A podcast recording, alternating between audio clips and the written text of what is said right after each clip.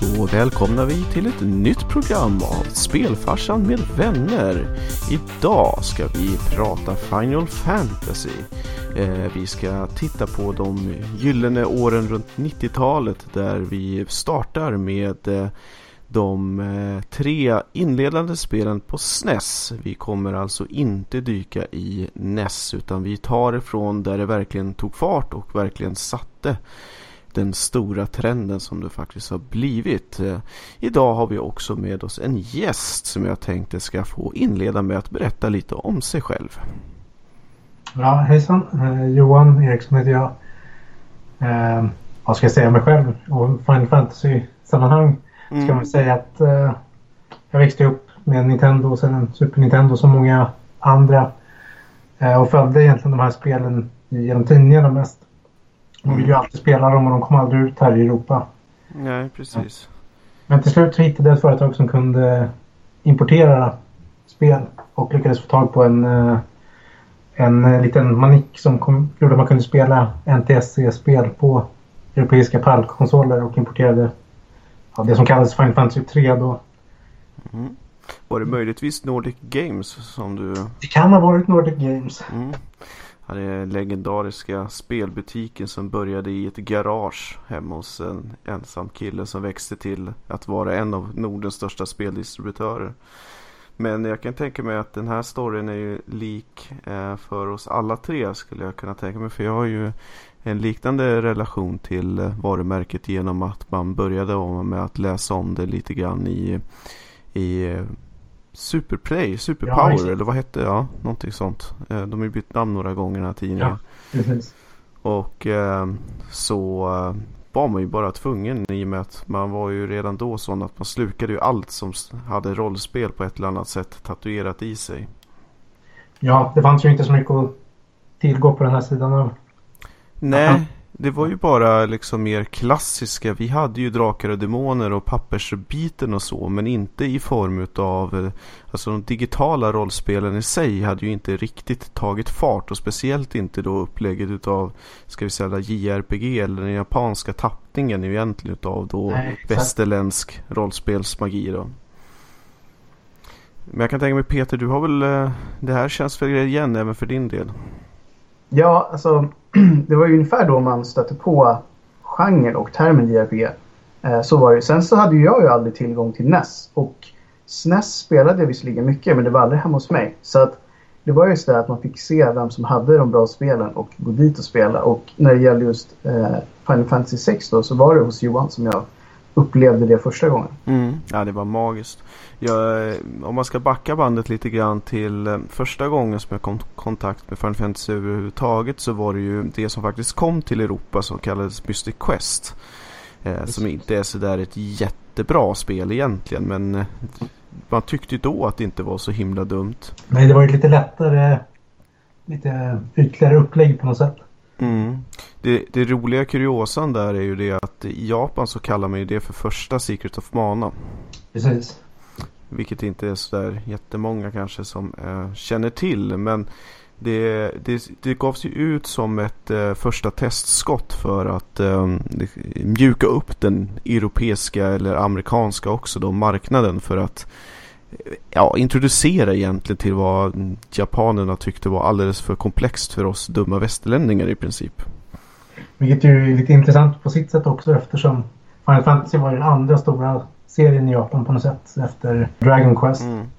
Ja, för det ska ju också sägas att eh, när vi till exempel om man spolar fram tiden lite grann till när Final Fantasy 7 gjorde det stora världsturnén så var det bara en parentes i väntan på Dragon Quest 7 tror jag det var också. Jag tror det. Mm. Vilket är lite lustigt med tanke på att här i väst så Dragon Quest vet man om om man är en schysst JRPG-nörd och visst det har väl blivit lite större nu på senare tid men in, ja, backa tio år så visste ingen vad Dragon Quest var i princip i väst. Nej, så det är väl bara att kolla på hur det ser ut egentligen nu, alltså lanseringen på PS4 inför kommande Final Fantasy. Mm. Det, är, det är inget snack om vilken st liksom, stor serie det är när det gäller JRPG. Men det har ju ändå kommit ut ett nytt Star Ocean, det kommer ut ett Dragon Quest och lite annat. Det känns mer som att man rapporterar kontinuerligt om att nu kommer ett nytt spel. Men Final Fantasy har folk väntat på i åratal. Ja, absolut. Men det är ju bara för att det byggt sån jäkla hype. Och sen så ska man ju inte sticka under stolen med att man har ju ofta haft ett budget där på de här spelen som är större än ganska många länders BNP totalt. jo, så är det ju helt klart. Mm. Så att det är lite spännande. Men jag tycker som sagt, om man är i det läget att man eh, har kanske spelat eh, började på Final Fantasy 7 eller så kanske man klev in redan Final Fantasy 10 eller senare ändå och tycker att det kan vara intressant att titta på historien och hur det kom till och så här. Då tycker jag nog att man ska, jag tror man kan skippa Mystic Quest faktiskt. Eh, mest därför att det är inte så himla bra alltså helt ärligt talat och det, det blir liksom en parentes i historien, ett sorts mellanspel eller ett Windows, ja, inte riktigt Windows Millennium men någonting åt det hållet liksom. Ett ja. Windows Vista kanske. Och det skiljer sig en hel del från, från resten av serien på många sätt också. Mm. Men ska vi kanske vara lite tydliga med också att de här spelen har visserligen ett namn som de går under men de har ju egentligen ingenting med varandra att göra rent alltså, storymässigt om det inte är så att det är som nu i Final Fantasy 13 där det kommer tre spel i samma värld. Mm. Det, nej, precis. Förutom vissa då saker som går igen då. Ja, det är Chocobosarna förstås. Och sen har du ju då, det är möjligtvis då Sid som går ja, igen. Exakt. Rätt många. Plus en del Sumners och som går igen. Ja, jag tror att även Kupo, det vill säga Mogs, ja. är rätt många spel. Men sådär att de här tidiga spelen, så vitt jag vet, har de ingenting att göra med de som kom till SNESen. Och de på SNESen hade ju väldigt lite att göra med de som kom lite senare, så vitt jag vet. Mm, det är viss, som sagt vissa monster som kanske går igen. Men mm. annars är det ju egentligen inga referenser alls sådär. Men det som verkligen har följt egentligen alla spel genom hela serien med kanske något un obskyrt undantag. Det är ju kristallerna. Ja. Mm. Och det är ju då det grundläggande storyn som följer spelen igenom. Det är just det här magi eller liv genom kristaller och det är kristallerna som både föder ondska och föder godhet och så vidare och så vidare. Men de sätter hela tiden någon sorts grundstory till egentligen alla installationer. Då. Mm. Och ofta så har det ju, så jag vet att det är ett par spel som jag vet med mig om att det börjar med att någon av kristallerna antingen blir stulen eller att den går sönder och det är något tempel som bränns ner och det kommer någon skurk och ställer till det och sen så är det alltid på något sätt så blir personen inblandad antingen för att den råkar vara i en by alldeles närheten eller så är man någon liksom, person som alltid finns på plats i något kungadöme och ska liksom, styra upp saker. Ja, precis. Och det är precis så som eh, vårat första spel kan vi säga som vi kommer dyka i spelar sig i form av Final Fantasy 4 eller Final Fantasy 2 som introducerades på den amerikanska marknaden. När eh, den mörka riddaren då, Cecil Harvey, får i jobb helt enkelt att eh, stjäla en magisk kristall, vilket inte är sådär jättebra kanske. Nej, precis. Det var väl i eh, någon by med summoners eller magicians eller något sånt där. De bränner väl typ ner hela stället mm. och nästan alla också. Ja, precis. De gör ju ja, historien kort med hela gänget där och sen så drar de ju med, tar de ju med sig den här eh, kristallen och eh, åker tillbaka i sitt luftslott, eller luftskepp, förlåt. Eh, och därifrån så sparkar du ju hela det hela igång då så att säga. Mm. Jag för mig att det stället hette Baron också som de åkte till. Vilket jag tyckte var freaking awesome när jag körde det. Mm. Så det var synd att man råkade vara de onda från början. Mm. Ja, men drivkraften från honom är ju just det, hans samvete. Ja, just det. Han, han uh, känner att han inte riktigt kan stå för det och blir, om jag minns det här rätt nu, så, så blir han av med sin position helt enkelt. Mm, precis, han blir ju utsparkad från, uh, från slottet. Ja, han har för mig att det dessutom blir någon så här nästan reningsprocess halvvägs genom spelet där han får möta sin... Hans onda och goda sida möts i en fysisk bossfight. Jo, precis. Där man får antingen då... Där man blir Paladin tror jag det var och ja. Dark Knight. Det stämmer överens och det, det intressanta just med den fighten som är det är att man vinner genom att inte göra någonting så frustrerande. Jag fick så mm. mycket stryk första gången jag försökte spela den fighten. Innan jag förstod att ah, man ska bara vända andra kinden på paladinaktigt vis till. Mm. Sen hela det här spelet är ju då väldigt klassiskt uppbyggt om, om man pratar om typer av karaktärerna. Att man har vita magiker, man har svarta magiker, man har riddare, man har dragoner och man har alla de här varianterna som man, ja, man har ju plockat högt och lågt för att få ihop då en ensemble hjältar som då gör gemensam sak för att eh, rädda världen i vanlig ordning och eh, då så får man ju då egentligen alla klassiska ska vi kalla det high fantasy drag som mm. behövs då för en, en täckande story. Alltså det, jag minns, nu har inte jag spelat om det spelet på rätt många år, men jag minns det som en rätt bra story även fast den var verkligen så här så klassisk fantasy som det bara kan vara. Men den är ganska ambitiös och eh, historia för att berätta med de relativt begränsade medel man hade. Mm. Både vad det gäller liksom, uttryck som karaktärerna kan ge, kan visa upp och eh, mängden text man kan visa på skärm mm. av den typen samtidigt. Och så, musiken. Ja, och musiken såklart. Så lyckas man berätta en ganska, ganska invecklad historia ändå. Ja, alltså, det är inte många spel som jag kom på överhuvudtaget där man faktiskt börjar som genom ond och dödar oskyldiga. Det är inte någonting som händer säkert ofta. I alla fall inte då. Jag kan inte komma på jättemånga eh, moderna tillfällen heller. Nej, precis. Det stämmer ju. Och det är ju, ska vi säga, att det är ju egentligen den extremt tunga storyn som gör spelet så attraktivt. Det är ju som att läsa en väldigt bra bok med ett visst grafiskt interface och visst handen på hjärtat så ser det ju inte så jättemycket ut för dagens ögon. Men det, det är som man brukar säga att ingen grafik i världen kan eh, vä väga upp eller ersätta en riktigt bra story. Så bara storyn är, då kan man ha tre pixlar och det kan man ju verkligen se till exempel spel som Minecraft till exempel. Ja, precis. Ja, verkligen. och jag menar, om man ska dra det till sina ytterligheter så är det ju en del spel, nu ska vi inte nämna några namn, som har blivit nästan bara film och ingenting annat nu. Mm. Det fanns ju en del innovationer också med att berätta historien i form av skriptade event i, liksom i så som spelet såg ut generellt med, med karaktärer som vandrar omkring på skärmen och interagerar med varandra. Det var inte något som var gjort så mycket innan. Nej, just det. De hade, ju, de hade ju de här små korta som vi, idag skulle ha varit videofilmer. Mm. Men de här som var lite små sekvenser. Kommer ihåg när de, dvärgarna körde någon attack med sina stridsvagnar i underjorden ja, till exempel. Som jag tyckte var hur häftigt som helst då. Och jag, vet, jag kommer ihåg att jag reagerade på det, men som du säger, det kanske var ju så att man inte har sett något sånt tidigare. Mm. Och att de ändå vågade sig på lite nya grepp. Och det också som gjorde det är ju inramningen av musiken. Musiken är ju fantastisk. Ja. Mm.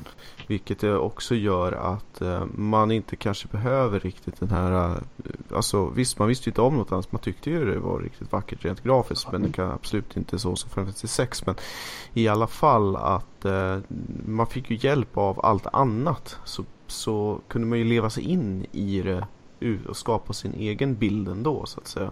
Mm, absolut. Jag menar karaktärerna, det var ju rätt många, men jag minns att jag tyckte, jag hade liksom en personlig relation till många av dem. Att den där var en häftig snubbe.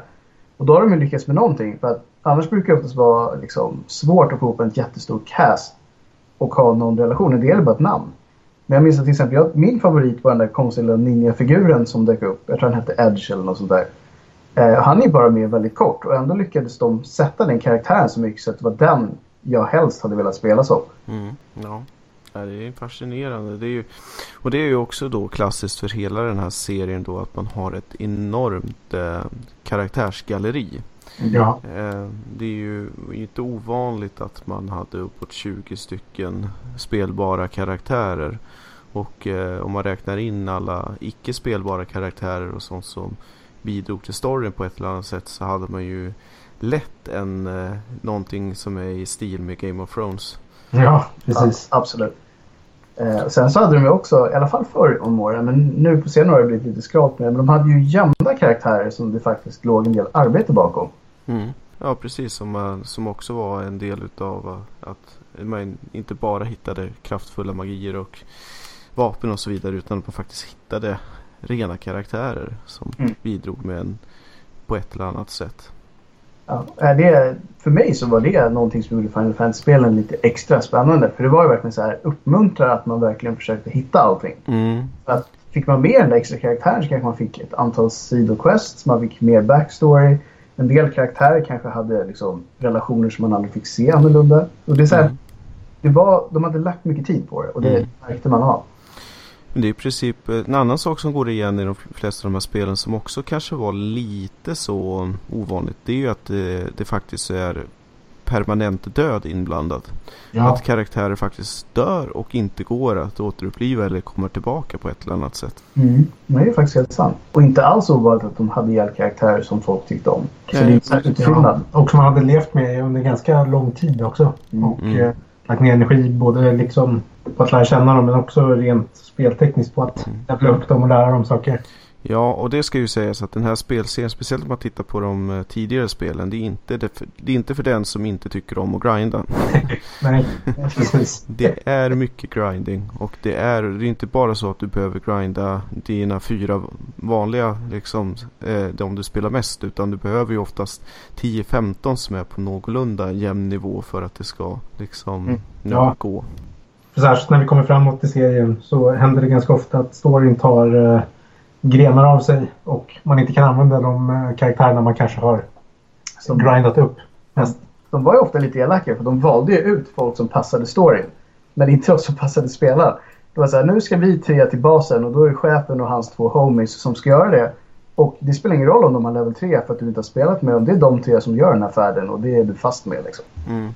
Ja, precis. Eh, och där kan det ju också vara så att, eh, hur ska vi säga, det kanske är lite dålig speldesign och sådär också på sätt och vis. Men du kunde ju hamna i ett läge där du hade tagit storyn så långt så att du kanske inte hade så mycket utrymme att grinda när du insåg att du behöver utan det är i princip så att du måste börja om. Eller från en tidigare save eller någonting i den stilen. Men det känns ju också som en sån här, jag vet vi har nämnt det förut, liksom skillnaden på japansk spelmentalitet och västerländsk spelmentalitet. Det är så här, ja, du gjorde fel. Du borde ha gjort det här tidigare och nu får du leva med konsekvenserna. Medan här hade det säkert varit så att nu blir det jobbigt men vi ger dig ändå utrymme att liksom på något sätt reparera det här. Mm. Jag kommer bara ihåg någon sekvens tror jag i sexan när vi var tvungna att använda en karaktär som bara är väldigt kort. Men han måste liksom klara sig så man var tvungen att levla upp honom jättemycket bara för att han skulle överleva en strid som var liksom skriftad att hända. Och det är en sån här typisk grej som man var tvungen att sätta sig ner och grinda för att kunna klara helt enkelt. Jo, så det, men samtidigt så det bidrog ju till att man kände att, att man fick också på sätt och vis mycket valuta för spelet för att det ställde en inför utmaningar som gjorde att det tog tid.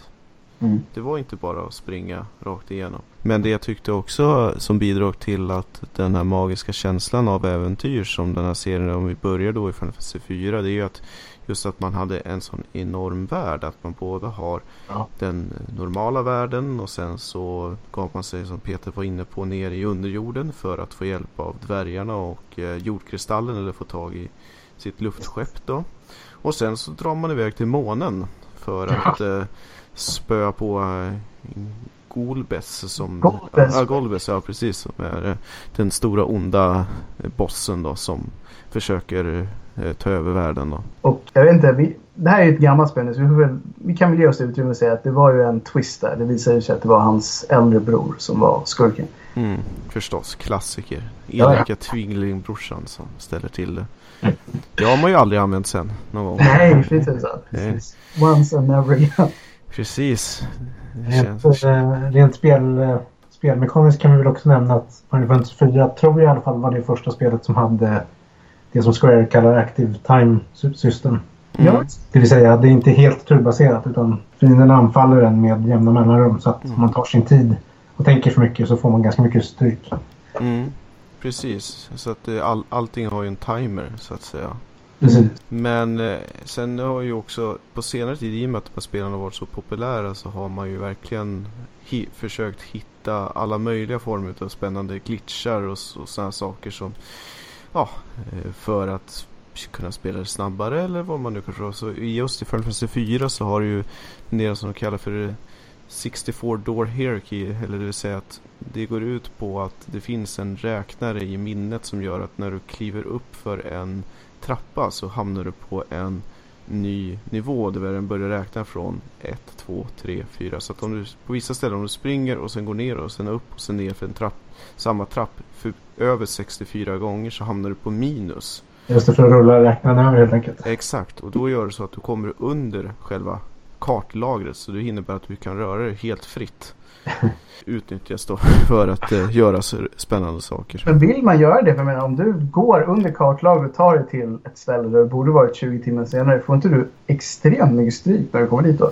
Ja, fast det finns ju sådana här varianter av att du kan utnyttja andra former utav eh, Ja, du måste utnyttja andra former av glitchar som folk har eh, hittat för att till exempel hoppa över samtliga fiender och så finns det Det finns någon variant Det finns någon variant som går ut på att eh, du flippar runt med magierna som gör att eh, i praktiken är det som så att det finns någon magi som du inte ska kunna få som gör att texten är så pass lång för att spelet buggar ur om texten på det du försöker exekvera är för tillräckligt lång. Vilket gör att den i princip nollar ut det den, alltså poängen är så här. Kan du få den att glitcha så kan du döda sista bossen på ett enda slag. Det finns även, jag minns inte om det är Final Fantasy 5 eller om det kanske är i nästspelet Final Fantasy 3 där det, där det systemet är ju mer jobbbaserat där. Mm. Jobb är ju en sorts klass kan man säga som man kan ta på sig och sen så lära sig färdigheter som har med den att göra och byta. Och där man lär sig de färdigheterna genom att eh, ha det jobbet och göra saker. Där om man valde kommandon och sen avbröt dem så räknades det som att man hade gjort dem och då kunde man levla upp mm. sig själv massor med gånger i varje strid. Jo, sen har du ju så här klassiska liknande som följer med nästan i alla spelen som item duplication buggen som går ut på att man eh, equippar och unequippar eh, vapen för att liksom skapa kopior på dem. Så i praktiken ja. kan du göra 99 stycken utav eh, samtliga eh, vapen. Då. Det är fascinerande. Nu för tiden är det ju lätt att lära sig sådana här men var, på den tiden var det mer att man kanske hörde talas om att någon hade gjort någonting sånt som man kunde inte slå upp det på. Nej, nej, precis. Det var ju rykten. Det var otroligt mycket rykten igång ja. jämt. Det var många falska rykten, inklusive som man kanske trodde på själv och spred fast man hade egentligen inte riktigt verifierat dem. Nej. Nu blir det reklam. Peter, har du hört om de billiga priserna? Det kan du ge dig tusan på. Här är jag faktiskt med med min Kupo. Vill du också ha billiga priser? Kom till LWT Hemköp i Rissne. Hur um, gick det för er? Klarade ni Final Fantasy 4 när det begav sig? Ja. Eh, ja, men vi spelade nog eh, Final Fantasy 4 efter 6. Ja. 6 var det första vi spelade. Absolut. Mm. Det var väl egentligen det som gjorde att man ville ha mer. Och då gick man tillbaka och tittade på dem tidigare. Och det jag klarade först var ju Final Fantasy 4 för Europa och Nordamerika. Ja. Och sen så senare så plockade jag via emulator ner den japanska svåra versionen. Mm. Eh, och det var ju en ordentlig skillnad. Ja. Jo, de förenklade ju en hel del. Ja, det var ju liksom redan väldigt tidiga bossfighter var ju kanske, ja, kanske inte dubbelt så svåra men så pass mycket svårare att försöka göra samma saker som i den västerländska versionen, då dog man. Jo, men det är väl Rätta mig om jag har fel, men det är inte så att Final Fantasy 5s slutboss räknas fortfarande som den svåraste slutbossen i samtliga spelen? Jo, och det kan jag köpa för den var hemsk. Mm. Hemsk var det. Det dröjde länge innan Final Fantasy 5 kom ut i väst också. Mm. Mm. Det fanns ju en uh, emulerad fan translation. Jo. Som de tog tre, fyra år på sig att få ihop. Det roliga var ju att det var två grupper som satt och fansubbade ja. samtidigt. Och båda skulle släppa sin egen version. Ända tills de kom fram till att det här är ju en jäkligt dum idé liksom. Kan vi inte bara slå oss samman och göra det här ihop istället? Det känns alltid så typiskt att det ska vara så här ett gäng envisa figurer som sitter med det där och måste inse hur hopplöst lång tid det skulle ta annars innan de gör någonting. Jo, för det är ju vansinnigt mycket text. Alltså det är ja, ju... Det är en otrolig bedrift av översatt hela klabbet liksom. Nu ska vi säga så att eh, översättningar för Final Fantasy 4 och 6, de officiella mm, inte var sådär. Ja. Nej precis, de är kända för att vara rätt excentriska. Ted Woolsey eller vad han hette som översatte dem. Ja, mm. precis. Ja, det påminner lite grann om när eh, någon på i, i Bergslagen, eh, alltså bolaget då, satte sig och översatte Shadowrun till svenska. Ja, precis. det blev också lite där, men det var skön göteborgsk dialekt på hela översättningen. Ja, man måste ju ändå gilla att folk har brytt sig så mycket om att de vill göra det. Sen så är det väl kanske någon annan spel att det kanske inte alltid är så här att någon som kollar vad de exakt gör. Mm. Men visst är det så att de översättningarna av 4 och 6 som, eh, som man ser om man köper den av remakesen är lite annorlunda och lite, lite bättre helt enkelt. Mm de satte ju någon riktig eller på att säga. Men de satte ju någon professionell textkunnig person på de här när de släppte dem igen nu. Eh, en del tycker ju i och för sig att det tog bort lite av skärmen. Men Ja. jag kan tänka att de som tycker det kanske är i vår generation också har upplevt de här tidigare och kopplar massa nostalgi till dem. Ja, jo, så antagligen så är det ju så. Sen det som också var lite grann med som vi säger att Final Fantasy 4 var ju det som in, introducerade eh, Active Time Battle som sin grej. Sen femman då var det ju som vi var lite inne på det här med jobbsystemet som Mm. sen har följt med. Just det här att du egentligen inte har Alltså att du går från A till B och man har sina satta eh, skills utan att man då väljer jobb och då har man ju de klassiska till exempel magiker eller så är du tjuv eller så är du eh, paladin eller vad det nu är för någonting och, med, Mm. och när du levlar upp dina jobb så får du dina färdigheter då. Ja, det var ju ett tag så att de körde det systemet i någon variant i, ett, i de ojämna spelen. Så att säga ettan, trean och femman. Mm. Medan tvåan, fyran och sexan var lite mer... Um, Just det. karaktärerna var lite mer story. Det. Ja precis och sen Ja, kom det inte tillbaka förrän Final Fantasy Tactics sen till Nej, Playstation. precis. Men det här som med yrkena var ju ganska häftigt i femman för det var ju nu har vi bara nämnt några men det var riktigt många som jag kommer ihåg. Det var en del som var typ så här Monster Hunter och Dancer och så lite udda eh, grejer. Mm. Sen fanns det ju även en som var gömd i eh, ett av de här templen som sjönk till botten av havet. Och där var man tvungen att liksom battla sig hela vägen ner på en timer för att möta någon boss för att lära sig den rollen som hade Mimic. Just det. Mm.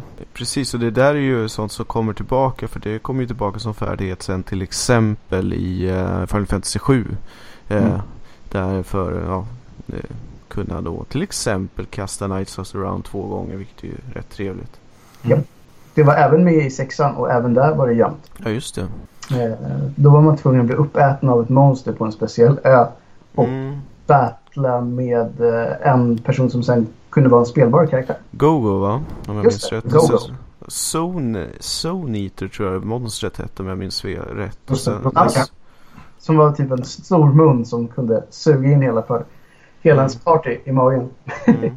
Det sexan introducerade var ju Esper-systemet. Precis. Som sen har följt med egentligen fast man har kallat det för materia. Man har kallat det för ja, alla möjliga saker. I Fantasy 8 så använder man ju eh, draw-systemet då för att Ja. Mm.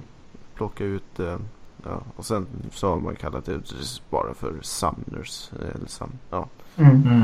Så visst har, det, visst har den bidragit och satt liksom standard för en hel generation framåt. Det har den ju. Mm. Jag vet inte, vi kanske sa det, men hur många av de här spelen har du kört från start till slut? De här, börja, de här tidigare spelen? Mm, jag har spelat fyran och sexan var ju de som, som importerade och spelade när det väl begav sig. Mm. Femman var många, många år senare och Mm. eh, det var, jag har bara spelat igenom det en gång då på emulator. Mm. Men eh, hur ska vi säga? Femman är så, så jag har aldrig riktigt haft sådana personliga, sån personlig koppling för de andra var ju mer så här som man levde åt och liksom propagerade för den som orkade lyssna att det här är antagligen det bästa som någonsin har hänt. Va? Men femman var, blev lite så här Ja, för att det kom ju en fas när vi satt och spelade så mycket andra spel så att det kändes lite som nästan som lite nödvändigt ont att det här, ja, jag var tvungen att spela igenom bara, bara Mm. för att ha gjort det. Ja. Och Vilket- det finns väl något som att spel man spelar i en viss ålder sätter sig lite djupare också. Ja, Nej, men det är som jag berättade för Peter tidigare att eh, när eh, precis hade ju spenderat många månader på att spara ihop tillräckligt med pengar för att köpa den svindyra importversionen då från Fantasy 6. Jag tror jag betalade 850 spänn Ja, eller någonting. i Det var inte det billigaste man gjort. Och eh, konverten kostade ju typ 350-400 någonting i den stilen. Så att vi pratar ju ändå 1200 någonting i den stilen. Så att när jag väl hade fått det här. Samma dag så skulle jag på en, ett barnkalas eh, hos en, eh, eller ja, ett kalas. eh, Vi gick femman, fyran kanske. I alla fall så då ringde jag samma dag då till den här kompisen och sa att min pappa hade sagt att jag inte hade, fick gå för av någon anledning. så så otroligt dåliga anledningar. Det hade varit bättre bara att säga att man blev sjuk eller någonting sånt där. Men Det är ändå så här, man tänker tillbaka på det nu och ångrar ingenting. Mm. Men konverten var ju ett intressant, ett intressant kapitel i sig där man eh, satte i en europeisk, ett europeiskt spel helt enkelt bakom, åtminstone i den versionen Mm. jag hade. För att vad den gjorde vet jag inte riktigt. Men eh, de satte två spel i liksom och så pluggade man i hela i Precis. Super Nintendo. Gissningsvis så behövde den väl någon form av bibliotek som fanns med i alla spel eller grund, grundbibliotek på något sätt. Då. Eh, och sen är det också intressant att den givetvis spelades upp i ett tempo som var långsammare än, än vad den var designad för. Spelet. Ja, för visst var det typ av 50 och 60 hertz eller Ja, någonting. exakt. Mm. Men det jag tycker är mest fascinerande är att de fick ihop det överhuvudtaget. Egentligen. Ja. Mm. Helt klart. Det ska vi ge dem en eloge för. Medan jag kom att tänka på det att Final Fantasy 4 som jag kom över av någon anledning på tv-spelsbörsen. Den hade ju en jäkligt fet eh, manual. Ja, Som var typ som en guide. Mer eller Precis. mindre. det var nästan som, att, eh, som en sån här eh, som gamla PC-spel var då. Mm. Det har vi ju pratat om tidigare att sånt gillar vi. Det ställer vi oss bakom. Mycket guider med bilder och Mm. ordentligt hantverk som det var i många spel förr.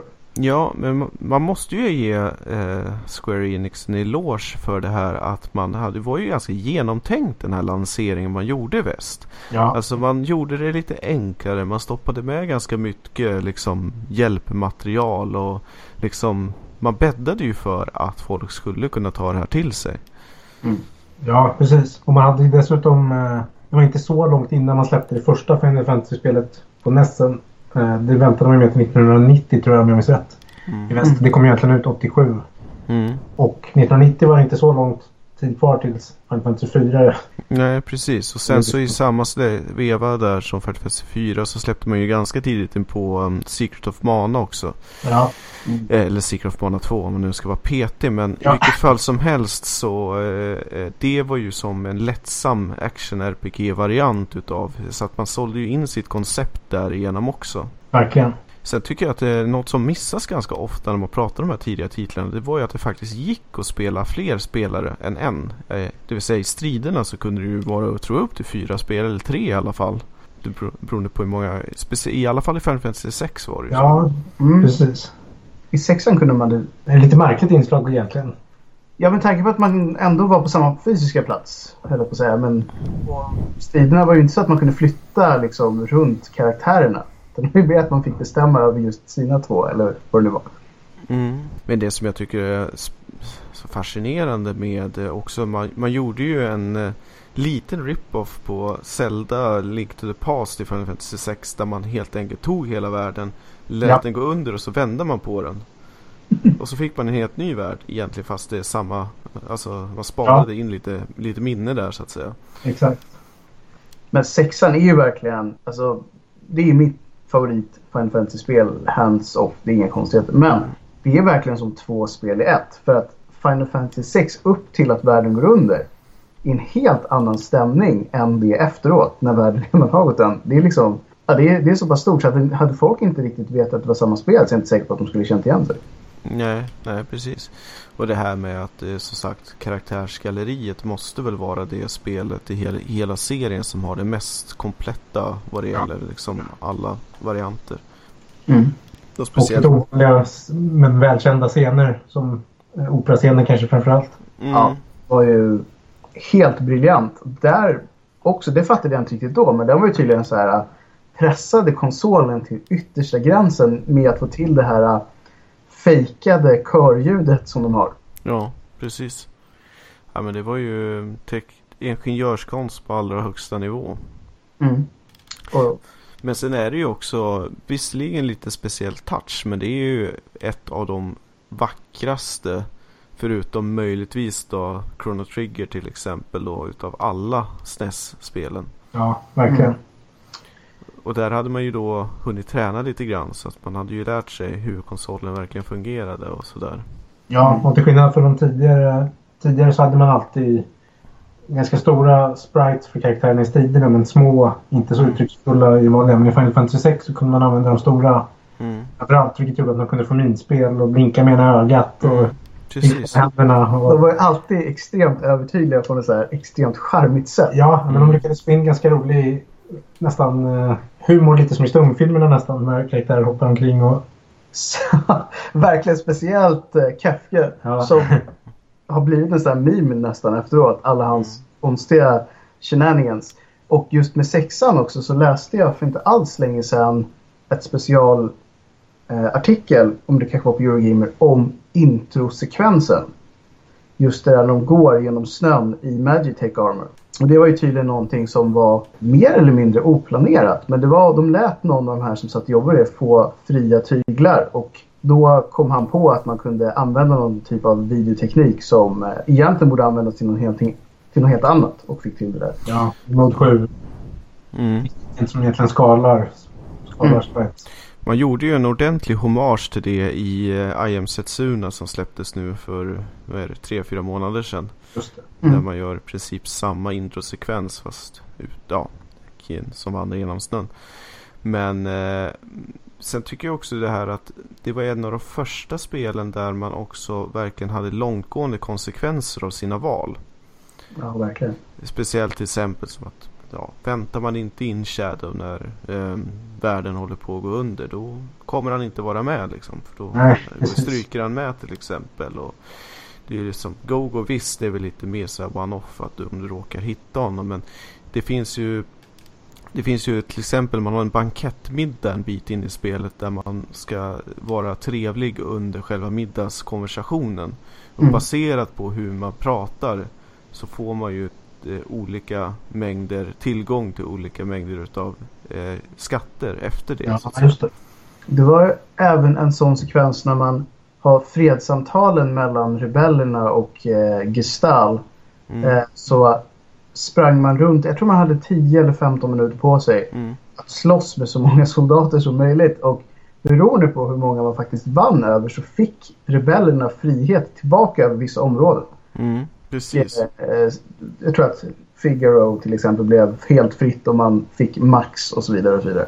Mm. Yeah. Så, sen plockar man in andra sådana långtgående sidequests till exempel att uh, när för att få den bästa, eller ja den bästa är tabelt men uh, Espern som är um, Crusaders så ska man ju ha ihjäl alla drakarna. De ja. är åtta om jag minns rätt. Precis. Och det är ju också sådär att du, ja, du var ju tvungen att leta efter dem under hela spelets gång verkligen innan du liksom, mm. för att få ihjäl allihopa. Och dessutom behövde du ha ganska hög level och bra utrustning för att kunna klå dem också. Ja, det var ju mycket gömda saker just i sexan. Det var ju samma sak med, med Mogs karaktär. Man var tvungen att ha den för att kunna få Umaro. Mm. Och jag tror även att man, om man skulle få Odin som eh, Esper så var man tvungen att ställa sig på ett visst ställe i när man hade strandat med Figaro Castle mm. under marken. Ja. För att trigga en grej som man såg i någon här minnessekvens. Mm. Och då omvandlades en annan Esper till Odin. Var det inte så att du måste ha levlat upp den här Espern också? Eller jo, det, det var någon, någon ytterligare liksom mm. grej Så det var inga enkla grejer heller. Nej, precis. Och jag för mig att det var någonting i stil med att det var, det, att det var en annan nordisk gud. Den ena, jag kommer inte ihåg vad den här Espen hette som du säger, som, som du säger, som sen blev Odin efter. Mm.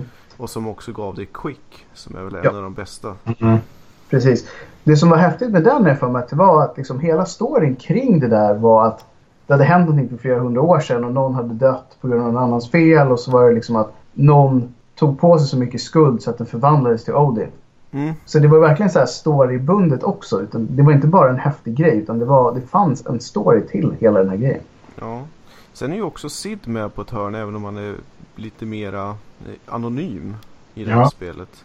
För att du har ju en annan kapten av luftskeppet då som återkommer i form av Setzer eller någonting. Setzer. Ja. Precis, så att, eh, men ändå så smög han sig med som en, eh, han är ju någon form av tekniker i... Ja, en ingenjör. Ja. Och ska vi kanske säga han kan dö. Mm. Om man inte passar sig. Eh, för jag för mig att det var ett minispel när världen har gått under och man vaknar upp som Celes. Och mm.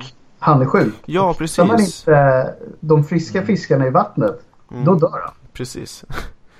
På och det är väl också så att om man inte om man inte räddar honom då får man inte någon Esper där också. Mm. Man får en grej av honom när han har tillfrisknat och när man ska iväg. Mm. Och dör han så blir det ingenting av den. Nej, då är det slut. Men det, är- du har ju andra spännande saker som till exempel um, blitztekniken. Att man Ja, slängde in i precis. princip från, från klassiska Ja, det är fightingspelskombinationer. Street Fighter. Mm. För att då utföra tekniker i, i, i strid liksom. Och det här var ju också en helt ny grej. Det här har ju plockats upp i ganska många RPG på senare tid. I alla fall varianter på temat då. Man har verkligen varit på och nosat och experimenterat med alla möjliga både genrer och allt sånt. Ja, för- för- det fanns ju en avvägning där med eh, Shadow. Man, kunde- man, hade, han lärde sig flera tekniker och man kunde välja att vänta och ta lite mer stryk och göra en mer kraftfull teknik. Just det! Så var det. Så det fanns lite mera taktiska valmöjligheter i, i striderna i sexan än vad det hade gjort tidigare. Ja. Du plockade ju upp det här spåret från Secret of Mana i form av Saigon där man eh, liksom laddade upp från 1 till 8. Liksom. Ja, just det. Precis.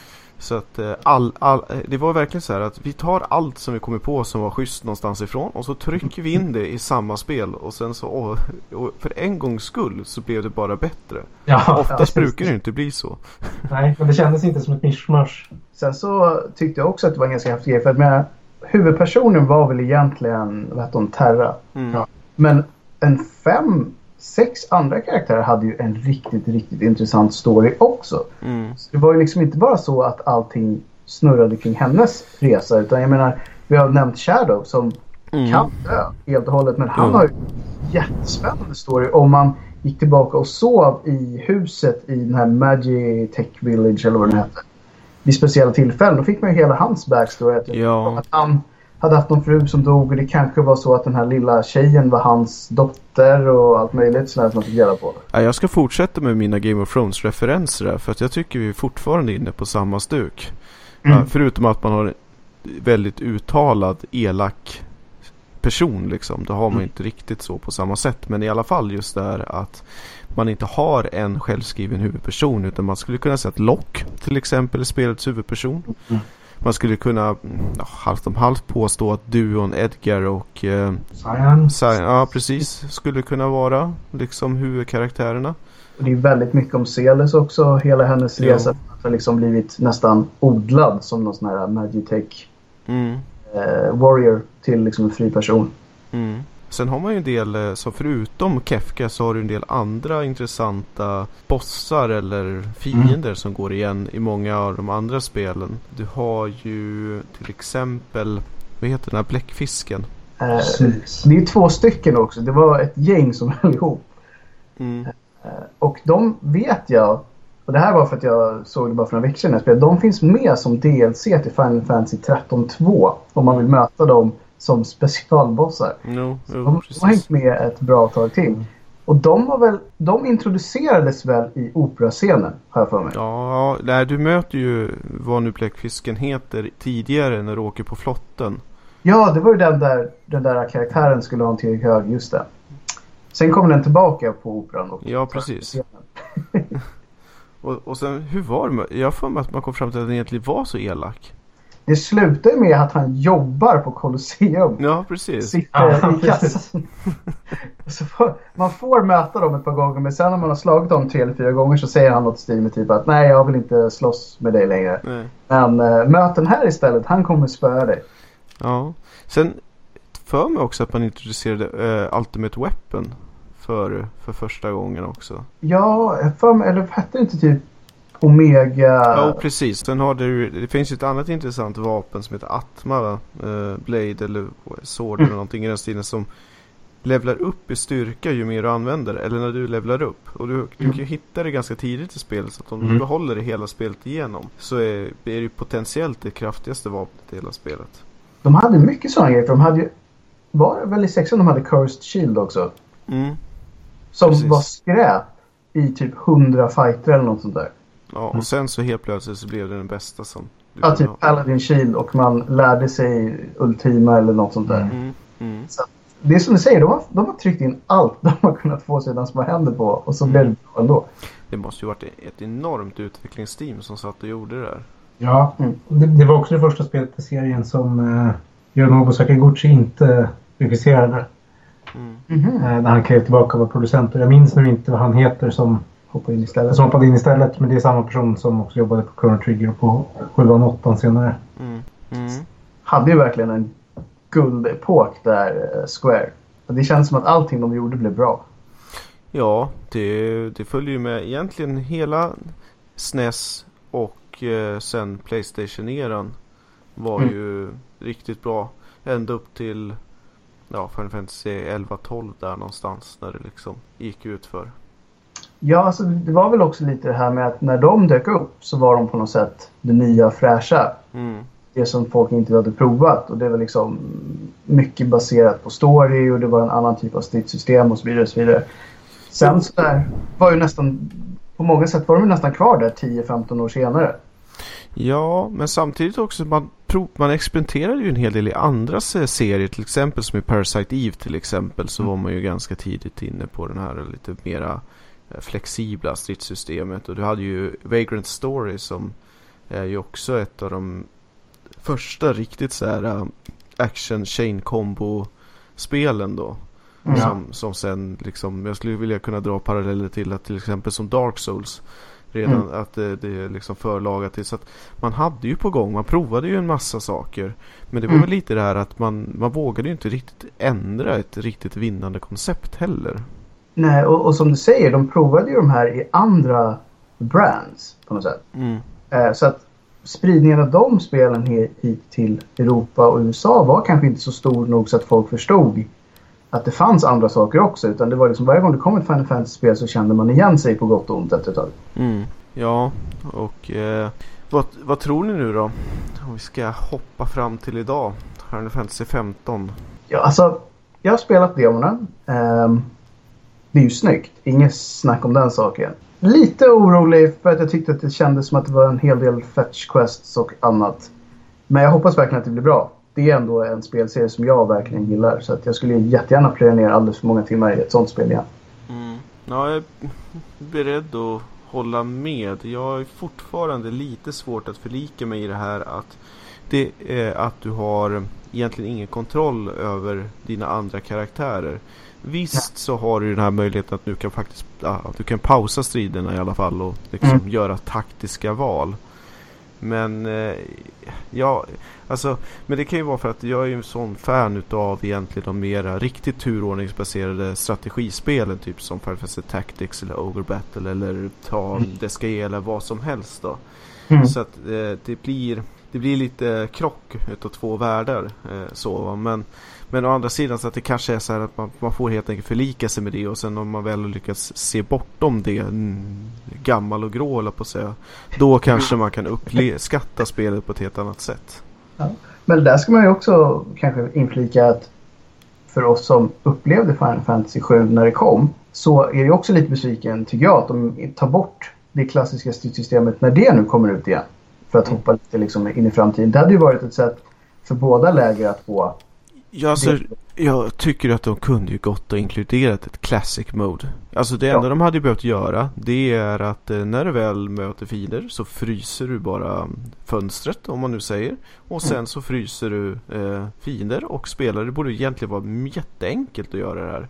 Ja, så, så, att min stora förhoppning det ligger i att eh, de eh, släpper det även sjuan någon gång Alltså HD-remaken till PC och så kommer det in någon trevlig moddare och gör det här åt oss. Precis. Alltså jag skulle till och med kunna betala en så här jätteliten peng för att få det läget som DLC. Ja, alltså det är, men jag tror att det har att göra med att eh, Square Enix kämpar ju så hårt med att försöka göra sig av med sin historia. Eller snarare sagt så här.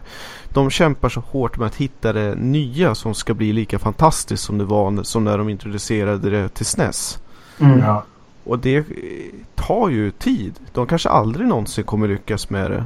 Men, men, det är klart att det måste ju gå framåt någonstans också. Annars kommer vi ju aldrig få någonting nytt. Det är intressant att de, de var ju lite i den situationen när, när första Final Fantasy kom också. Vilket anekdotiskt tror jag är därför det har det namnet också. Att de, de var på dekis. De hade gjort Rad Racer. Det hade inte sålt så bra. De hade gjort en del andra spel till Nessen. Mm. Uh, och trodde väl att det här kanske var deras sista Sista spelet. Så att säga. Det är ju ganska mm. häftigt så här 20 år senare. Men tror vi att det skulle kunna vara någonting som har skadat dem då? Att det kanske gick för bra?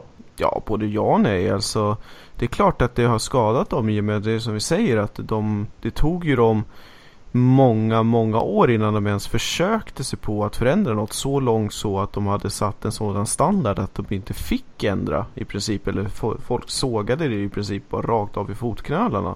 Mm. Och då är det ju enormt svårt att, att ändra någonting. Det är ju som att säga att nej men du ska inte ha en ratt när du kör en bil längre. Du ska ha mm. liksom mm. någonting helt annat. Då, det, det, mm. det är jättesvårt att bryta sig ut. Och de är inte ensamma om att sitta där heller. Det är många japanska, framförallt japanska spelutvecklare som har haft lite kämpigt på senaste åren. Ja, titta på till exempel bara på fighting-genren med Capcom och Street Fighter-serien. Alltså de är svårt att bryta sig loss från 2D överlag. Det är väl ja. inte för sig unikt för just Street Fighter men i alla fall. Mm. Nej, så att det, det är i och för sig de, just för att gå tillbaka till ett spel som inte är Final men som vi nämnde, I am Setsuna. Mm. Som ändå är någon slags hommage till de här spelen som de egentligen då försöker distansera sig ifrån. Jo. Så det känns som att de kanske försöker hitta någon mellanväg nu att göra de här lite mer dramatiska förändringarna i huvudserien. Istället för sidospelen och köra de klassiska grejerna i sidospelen. Sen ska man kanske vara lite petig så är det ju inte Square Enix som gör I am Setsuna och de här andra mobilspelen utan det är ju Tokyo RPG Factory. Mm. Men de går ju under samma flagg då så att ja, det är väl same same egentligen men visst. Mm. Och det, alltså jag tror att bra, alltså jag är ju, ja, alltså förändring är väl alltid bra. Men, nej, men speciellt tycker jag att i, i de nya spelen får de hitta på precis vad de vill. Det är bara bra att de testar. Men när de gör så, en sån monumental grej så att de ska göra en remake utav ett så pass ikoniskt spel. Mm. Så tycker jag att man ska vara lite försiktig med liksom att man ska inte göra ett nytt spel heller egentligen. Nej, det är väl på något sätt någon slags restaurering och ansiktslyft som mm. många, i alla fall i vår generation, eh, helst hade haft. Jo, för att om man tittar på det jobb som har gjorts på modscenen till exempel, Team Avalanche och sånt där. Där började man ju med att eh, man gjorde HD-bakgrunder helt enkelt. Där man i princip då bara modellerade upp eh, bakgrunden och sen till statiska bilder i högupplöst. Mm sådär och säga att man kanske kom 10-15 procent innan man la ner för att det hela var för mycket jobb. Så är det ju ändå så att det, det kanske man kanske kunde ha gjort två varianter. Jag har ju varit rätt fan av att man skulle ha gjort en bara en grafisk och alltså musikuppdatering utav sjuan.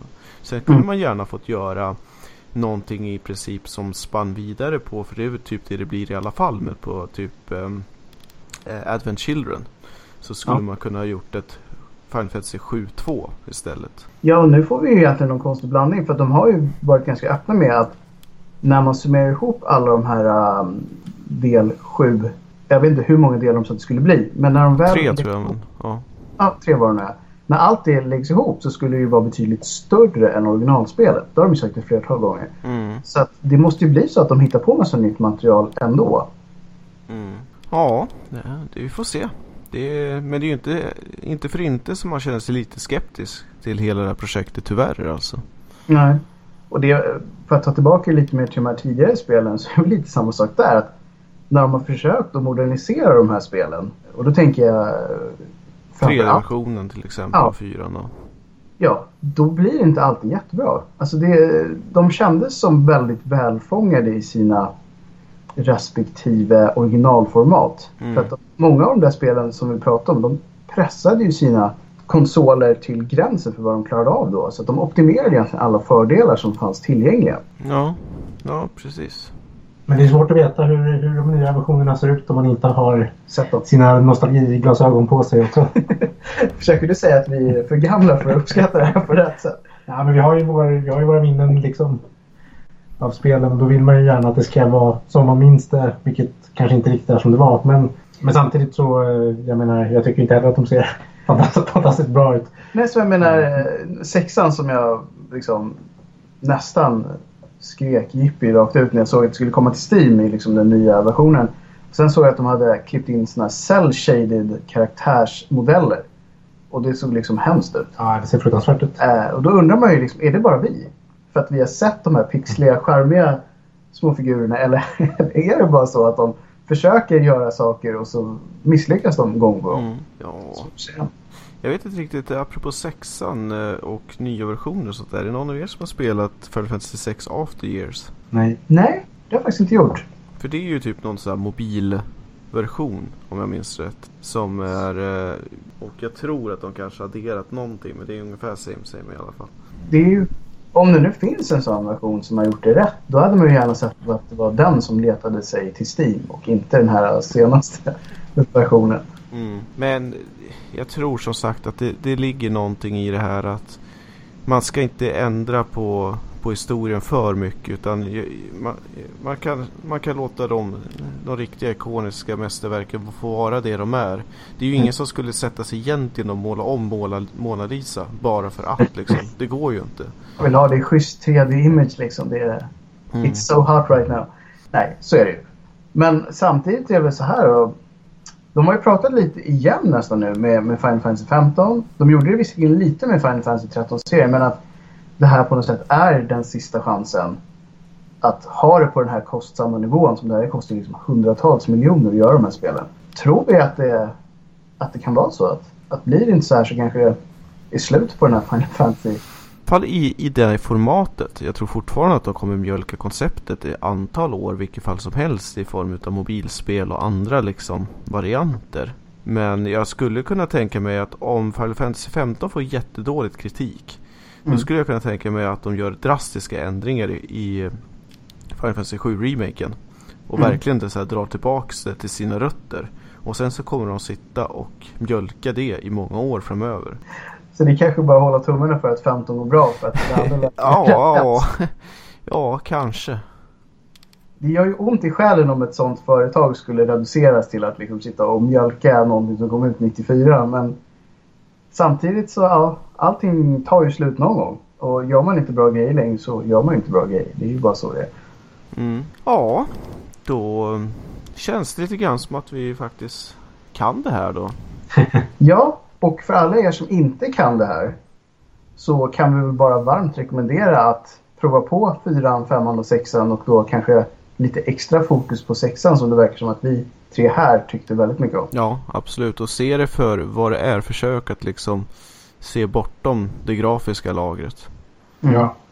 Och står ni inte ut med grafiken, lyssna åtminstone på musiken som är helt fantastisk. Ja, och eh, som sagt att orkar man och eh, liksom vill och sådär då kan man ju med stor fördel ta ner på ett eller annat sätt eh, musiken i inspelad antingen av en symfoniorkester eller på något annat sätt så att man har eh, rikt, riktigt bra kvalitet på musiken så får man en ännu större upplevelse. Görs ju väldigt bra som orkestermusik kan man ju säga. Mm. Mm, men eh, då så summerar vi då genom helt enkelt att äh, säga att eh, vi kommer fortsätta med den här uh, miniserien utav Final Fantasy och i nästa avsnitt så kommer vi hoppa ett par år framåt och titta på uh, Playstation-eran utav Final Fantasy och kanske även inkludera Final Fantasy 10 då från Playstation 2. Mm. Men då skulle jag bara vilja säga tack för mig och Eh, ja, på återhörande helt enkelt. Ja, tack för mig och kul på säger jag. Mm. Tack, tack. Tack, tack. Hej. Nästa veckas program pratar vi sportspel. På återhörande då. Tack och hej.